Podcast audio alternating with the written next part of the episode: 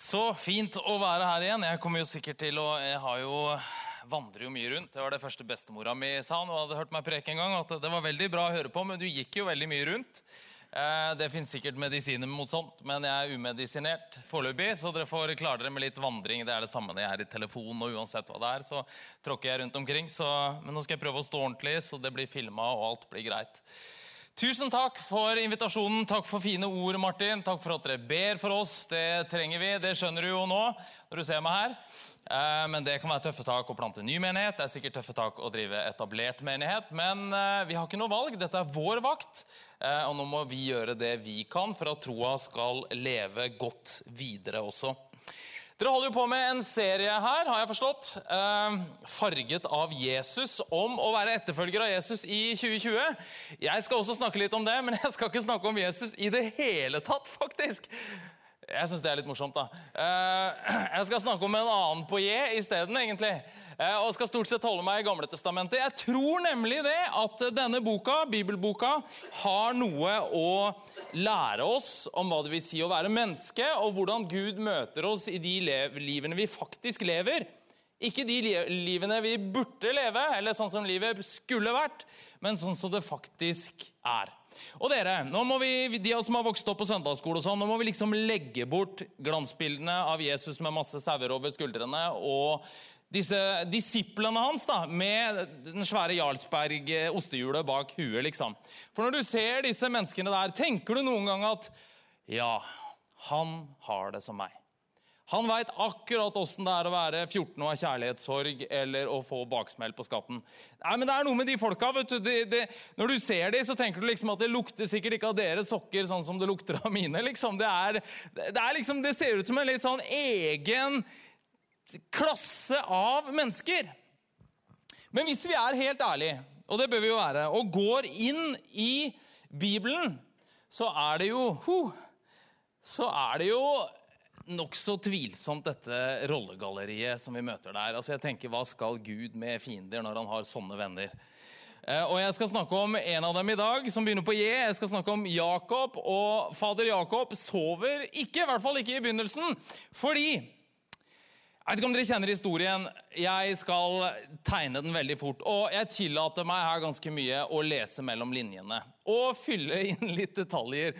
Men dere, altså nå er vi ganske tidlig i bibelboka. ikke sant? Gud holder på å vise verden hvem han er. Og Han begynner med Abraham, som får en sønn som heter Isak, som får to tvillinger som heter Esau og Jakob. Og han første, Apropos sau. altså Fyren er jo så sinnssykt hårete.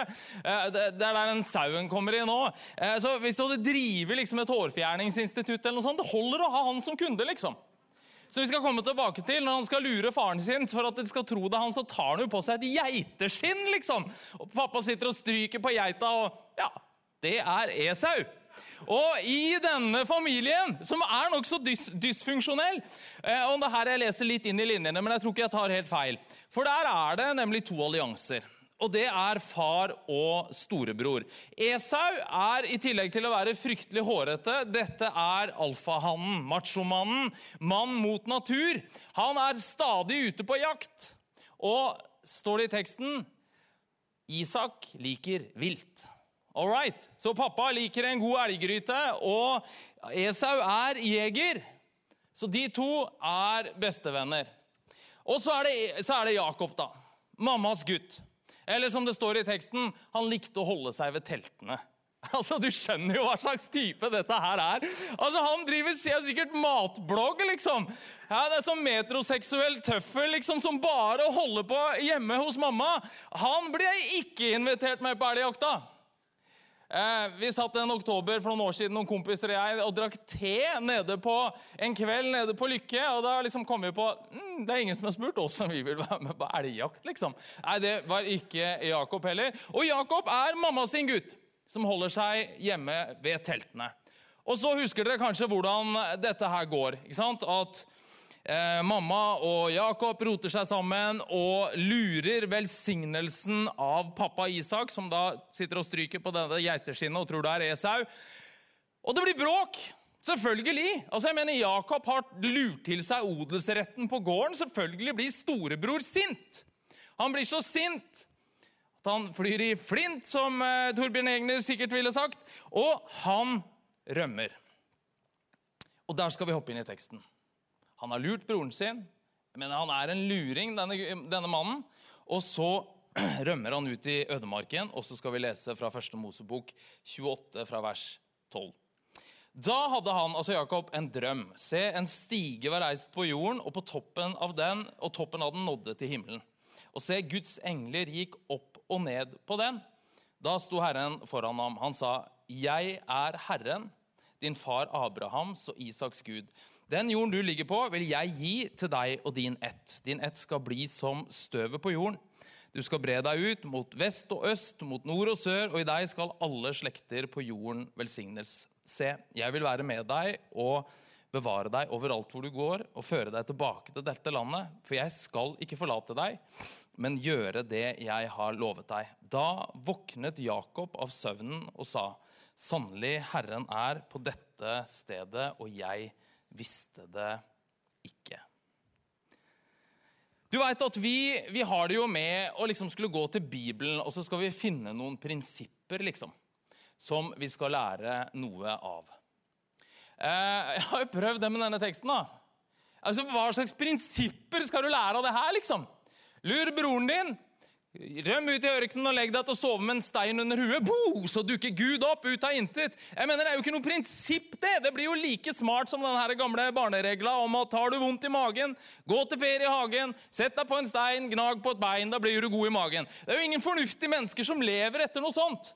Og det er samme her også. Du kan jo ikke liksom ta et prinsipp ut av dette her og tenke at sånn får jeg Gud til å dukke opp. Og dere, Kanskje er det problemet. da.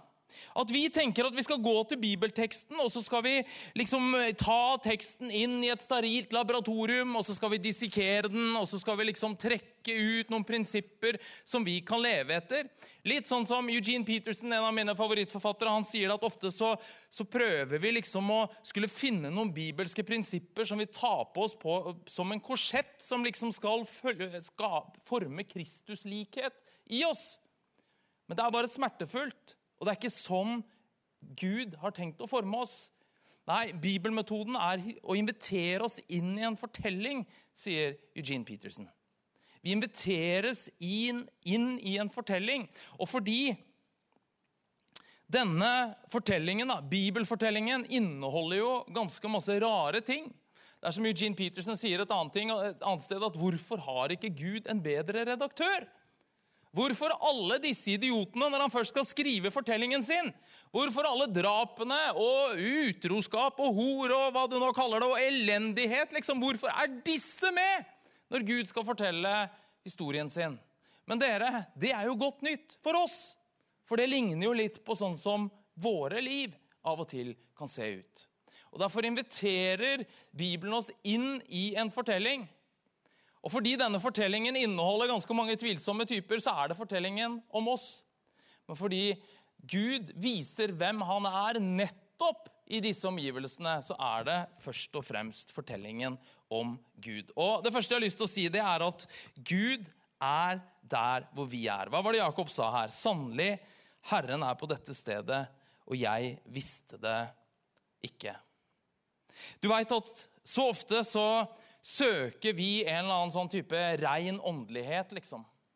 Om bare det kan være sånn at eh, vi lengter liksom at livet skal bli sånn eller sånn, at vi skal finne en eller annen type ro, at vi skal be mer, og så tenker vi at bare liksom ting kommer litt i orden, så kommer jeg og Gud til å få relasjonen vår på plass. Bare jeg ber mer og ser mindre på Netflix, eller ungene flytter ut, eller jeg får en ny jobb, eller sjefen skjerper seg, eller liksom koronaperioden er over. liksom. Bare disse tingene skjer da, da skal livet mitt komme i vater.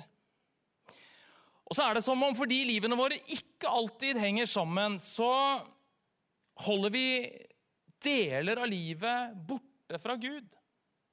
Så inviterer vi han liksom inn i finstua, hvor alt er klart og rydda og ordentlig. Men så er det store deler av livet som vi holder borte fra han, som vi gjemmer vekk. Og så er det som om det blir skort smerter og sprekker og mørke skygger i livet vårt, hvor Guds lys ikke slipper til. Og Der vokser de styggeste vekster. Men er det noe vi kan lære av denne fortellingen, og veldig mange av bibelfortellingene, så er det jo at Gud møter oss der hvor vi faktisk er. Istedenfor å vente på en eller annen konferanse eller vente på at et eller annet skal skje, eller liksom at et eller annet rundt oss skal komme på plass, så er det noe med at Gud møter oss der hvor vi er, i de livene som vi faktisk lever. Og så tar Gud alle disse løse trådene. Jeg vet ikke hvordan det er med ditt liv, men mitt liv er jo litt sånn frynsete av og til, og trådene står liksom i alle mulige retninger. Men så tar Gud alle disse løse trådene som livene våre inneholder, og så fletter han det sammen til et bilde av seg selv. Sannelig, Herren var på dette stedet, og jeg visste det ikke. Og midt i alt dette rotet, med alt dette rare som skjer, som vi møter i bibelfortellingene og som vi møter i vårt eget liv, så viser Gud hvem han er. Når Gud forteller sin historie, så er det på en scene som er befolket av en hel masse karakterer og en hel masse rekvisitter som på ingen måte representerer Guds natur og karakter. Men likevel så er det der han viser hvem han er, og det gir håp for oss. Og Derfor dere, så må vi ordinere det ordinære. Vi må finne Gud i livene våre sånn som de faktisk er. Der hvor du er nå, det som du sliter med nå, der er Gud, også om du ikke vet det. Og det er der han former noe i oss, også når vi ikke skjønner det. Altså, Dette gjelder jo meg like mye som deg. Ja, Det er greit for deg å si liksom, du er predikant. Jeg står jo ikke hjemme i en krok hjemme i stua og preker hele tida. Liksom. Jeg mener, Det er jo treige dager og blåmandager og tøffe perioder og åndelig tørke hos meg også. Skal jeg være helt ærlig med deg, så skjer det jo av og til at jeg går en tur i skogen før jeg skal preke, og sier til Gud at du får bygge den menigheten din sjøl, det gidder jeg ikke mer. Men så, Jeg sa ikke det i dag, altså. Det regna for mye. Uh, nei, men det er noe med det, men så sier jeg ofte sånn som dette her, at hvis du vil ha mine sterke sider, så får du ta alt skrotet også. Dette er det eneste livet jeg har, og det er det jeg kan gi. Og så er det det Gud vil ha. Sånn er det med deg, og sånn er det med meg. Altså, Våre liv kommer aldri til å komme helt i vater. Ikke på denne sida av evigheten. Men sannelig, Gud er der hvor vi også er. All right. Jeg skal ta fjernkontrollen litt, og så skal vi spole litt fram. Så Gud kommer og møter Jakob midt i ødemarken her og sier at han er der, også når Jakob ikke skjønner det. Så flytter jo Jakob til onkelen sin, som heter Laban. Det burde jo ringt en bjelle allerede der. Jeg mener, Har du en onkel som heter Laban, så flykter du jo ikke til han. Men det gjør jo Jakob. Og Laban viser det seg, er jo en like stor luring som Jakob. Det går fint i begynnelsen, men etter hvert så begynner dette her å rote seg til. Og Jakob skjønner at uh, her blir det bråk etter hvert, så han drar med seg, han har blitt ganske rik i mellomtida.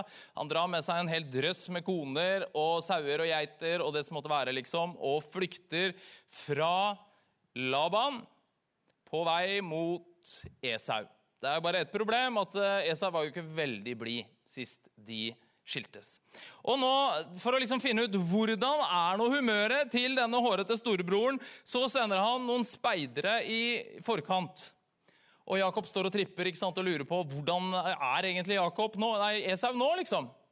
Og Speiderne kommer tilbake og sier at jo da, eh, Esau er på vei med 400 væpnede soldater. Og Jakob blir livredd. Så han tar alt han eier, og deler opp liksom, i sånne små grupper som han sender som gaver i forkant av seg, for å liksom skulle blidgjøre broren sin litt mens han kommer.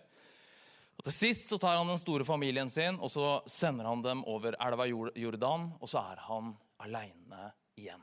Og Det er natt, og han er redd, og han er alene. Jeg vet ikke åssen det er med deg, men eh, hjemme på doen hos mamma og pappa, i hvert fall før i verden, så det skal ikke bli noe ekkelt som kommer nå. Så hang det en sånn plakat som henger rundt i mange norske kristne hjem, og det er 'Fotspor i sanden'. Er det noen som kjenner Henger den der fortsatt, mamma? Ja, det gjør den. Det er bra. Eh, jo, Fotspor i sanden det går omtrent sånn som dette her, at én kikker tilbake på livet sitt. ikke sant? Og Stort sett så er det to fotspor, men akkurat i de periodene hvor livet er vanskelig, så er det bare ett par med fotspor. Så spør de om Gud, hvor var du når det var vanskelig? Ja, Da ba jeg deg. Det er jo fint. Men vet du hva Gud gjør i denne teksten? Jakob er alene, han er redd. Så kommer Gud. Og det er ikke mye fotspor i sanden. Gud begynner å slåss med Jakob. Hør på denne teksten her. Jakob var alene tilbake, og en mann som det viser seg senere var Gud, kjempet med ham helt til det grydde av dag. Unnskyld, den lyden skulle ingen hørt nå. Ingen hørte den. Da mannen så at han ikke kunne vinne over ham, ga han Jakob et slag over hofteskålen, så hoften gikk ut av ledd mens de kjempet. Og han sa, 'Slipp meg før morgenen gryr.' Men Jakob svarte, 'Jeg slipper deg ikke uten at du velsigner meg.' 'Hva heter du?' spurte mannen. 'Jakob', svarte han. Da sa mannen, 'Du skal ikke lenger hete Jakob, Israel.' Det Ordet har for øvrig en litt uklar betydning, men en mulig tolkning er 'den som kjemper med Gud'. Israel skal være navnet ditt, for du har kjempet med Gud og mennesker og vunnet. Da ba Jakob, 'Si meg navnet ditt.' Han svarte, 'Hvorfor spør du meg om navnet mitt?' Og han velsignet ham der. Det er jo en litt rar tekst, dette her, men la meg pakke ut noen ting her. Fordi Hvis det første jeg har lyst til å si, er at Gud er der hvor du er Uansett hvordan det er, uansett hvor det er. Det fins ingen gudsforlatte steder. Det fins ingen gudsforlatte mennesker. Gud er der hvor du er, også når du ikke kjenner det. Men det andre er at jeg tenker at gjennom våre liv med Gud så må vi også tørre å kjempe med troen vår. Og jeg tror jo at vi kristne, at mange av oss er altfor forsiktige med Gud. Altså Vi behandler Gud som oldemors fineste servise som vi har arva. Liksom. Det må vi sette langt vekk, så ingen kan røre det, for det knuser bare du kikker på det, nesten. Ja, men jeg mener, hallo, dette er jo himmelens og jordens skaper. Og dere, skal vi Unngå disse oppdelte livene hvor Gud bare får den blankpussede messingen og kommer inn i finstua. Hvis han skal få hele livet, så må vi komme som hele mennesker framfor han med all vår tvil, med all vår synd, med all vår skam, alt det vi bærer på.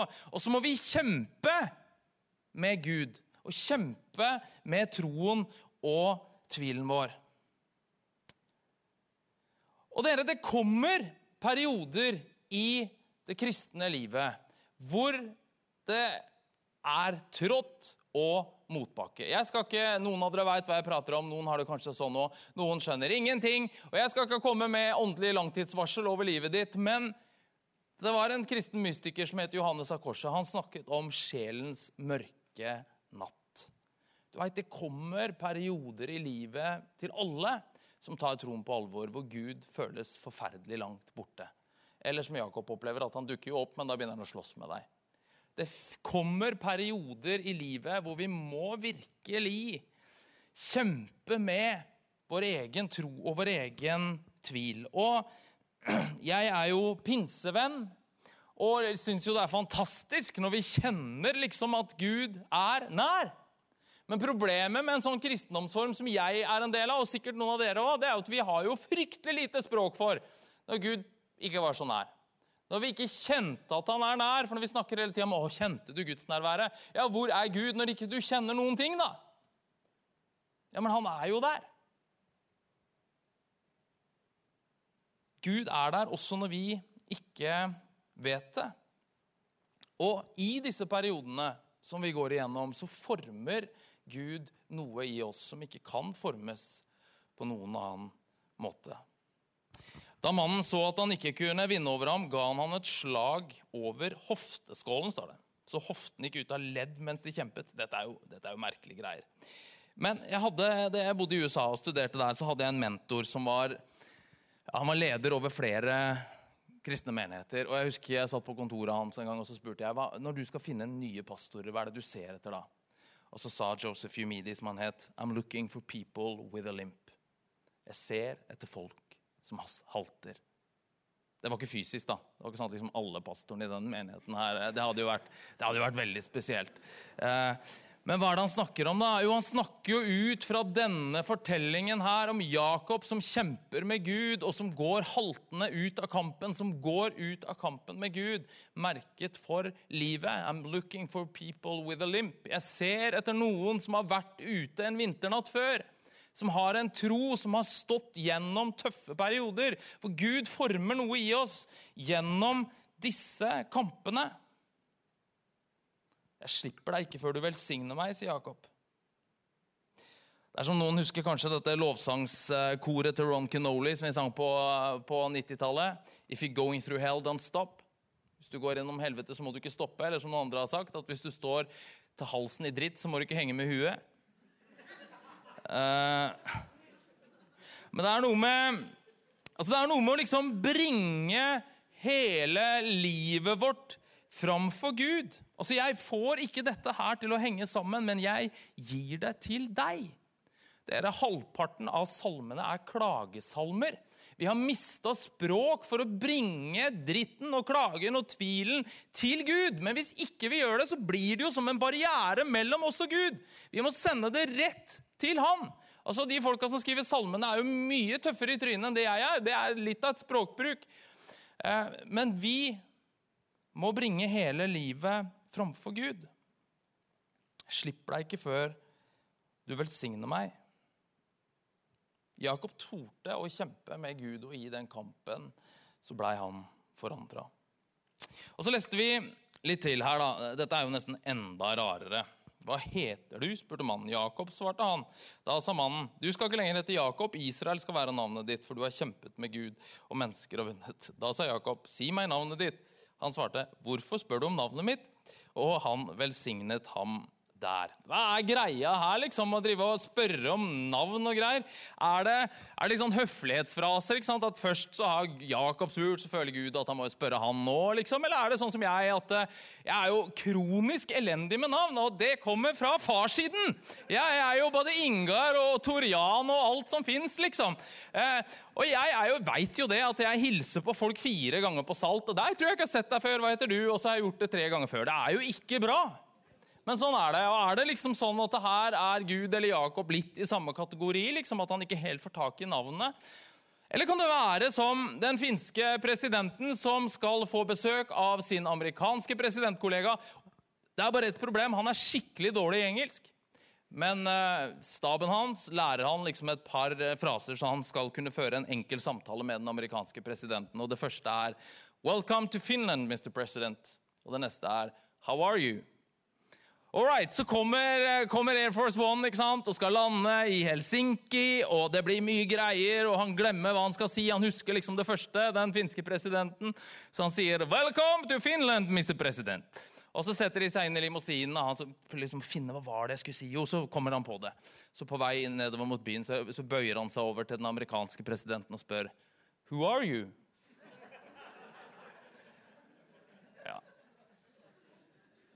Liksom, hva er det som skjer her? da? Hva er greia med dette navnet? Jo, i denne kulturen så er navnet mer enn et navn. Å spørre etter noen Navnet står for vedkommendes identitet. Så når han spør 'si meg navnet ditt', så spør han egentlig 'si meg hvem du er'. Og dere, Jeg skal snart avslutte nå, men her er vi inne i kjernen av hva det vil si å følge Jesus. Her er vi inne i kjernen av hva det vil si å være en kristen og bli kjent med Gud. Og dere, Når vi skal bli kjent med Gud, så er det jo ikke rart at det blir litt vanskelig. Så er det jo ikke rart at det betyr, innebærer noen brytninger. Hvis Han som er større enn alt, skaper av himmel og jord, utenfor tid og rom, skal komme nær til oss så er det klart at det sprenger våre begreper og begrensninger. Hvis vi lett skulle forstå han, så ville jo Gud alltid vært en fange av vår forestillingsevne, våre begreper og våre erfaringer. Men hele bibelfortellingen er jo at Gud kommer nær. Han som er fullkommen kjærlighet, kommer nær til oss, og han er større enn alt, men han er også nærmere enn vår egen pust så kan Gud av og til være vanskelig å forstå. Og jeg mener, Leser du Bibelen Altså De som sier at Bibelen er enkel å forstå, kan umulig ha lest hele. Ja, Det er jo deler som er enkelt å forstå, men det er jo andre ting som er komplett umulig å forstå. Men alle disse rare tingene som skjer, gir jo på en måte mer håp også, for det ligner jo på vår verden. Det er jo så mye galskap i vår verden nå. Og hadde vi bare lest i boka om liksom en eller annen Unnskyld meg, altså, men som brosjyrene til Jehovas vitner, liksom, hvor kjernefamilien står og smiler, og liksom dyrene ligger på en fin eng, liksom, så hadde vi jo ikke kjent oss igjen i det hele tatt. Det er noe med at I disse rotete tilværelsene som vi lever, så viser Gud hvem han er. Og dere, det er jo ikke pastorens eller teologens eller kirkens rolle å løse alle disse problemene. Å løse mysteriet, liksom. Men det er jo heller å lokalisere det og peke på det og hjelpe oss alle sammen til å følge Gud og til å kjenne Han personlig. Sannelig, Herren er på dette stedet, og jeg visste det ikke. Jeg veit ikke hvor du er i livet ditt nå, men jeg vet at Gud er der. Og David, en av forfatterne som skrev mange av salmene, han sier det sånn et sted at hvor skulle jeg gå fra din pust? Hvor kunne jeg flykte fra ditt ansikt? Stiger jeg opp til himmelen, er du der. Legger jeg meg ned i dødsriket, er du der. Det er nesten så han blir litt irritert. vet Du Du er jo overalt, liksom. Tar jeg soloppgangens vinger og slår meg ned der havet ender, da fører din hånd meg også der. Din høyre hånd holder meg fast. Jeg kan si, la mørket skjule meg og lyset omkring meg bli til natt. Men mørket er ikke mørkt for deg. Natten er lys som dagen. Mørket er som lyset. Gud er der, og han slipper deg ikke. Jeg vet ikke hvor du, er, hvor du er i livet ditt nå, men jeg har lyst til å oppfordre deg til å gjøre det samme som Jakob. Jeg slipper deg ikke. For uansett hva du går igjennom av mørke, av kamper, av tvil Om ikke du går igjennom det nå, men du kommer til å gå igjennom det Det er ikke en unaturlig del av det kristne livet. Det er noe vi alle må igjennom. Men vi kan velge å bringe hele livet vårt framfor Gud og ikke slippe ham, sånn som Jakob gjorde. Og ut av denne kampen så kommer det en velsignelse. Så kommer det en ny start, og så kommer det et nytt navn. La oss be. Herre, takk at, takk at du ikke er avhengig av hvordan livet vårt henger sammen. Takk, at, takk, at, takk at du alltid er nær. Og Herre, jeg ber spesielt for dem som kom inn i dette rommet her, som sitter hjemme foran PC-en sin og, og, og, står i en sånn kamp hvor ikke de kan finne deg og ikke kan kjenne deg, eller kjenner at det er, det er tørt og det er trått. Ber om at de skal få erfare, som Jakob gjorde, at sannelig Herren er på dette stedet, og jeg visste det ikke. Jeg ber for denne kirka her også, og den jeg tilhører, og alle de andre i denne byen her, at vi skal være steder som eh, ikke leverer en eller annen sånn oppblåst, enkel kristendomsform, men hjelper oss alle sammen til å leve hele liv framfor deg. Takk at du er nærmere enn vår egen pust, Herre. Vis oss hvem du er. Vi slipper deg ikke. Takk for at du velsigner oss og møter oss der hvor vi er. Amen.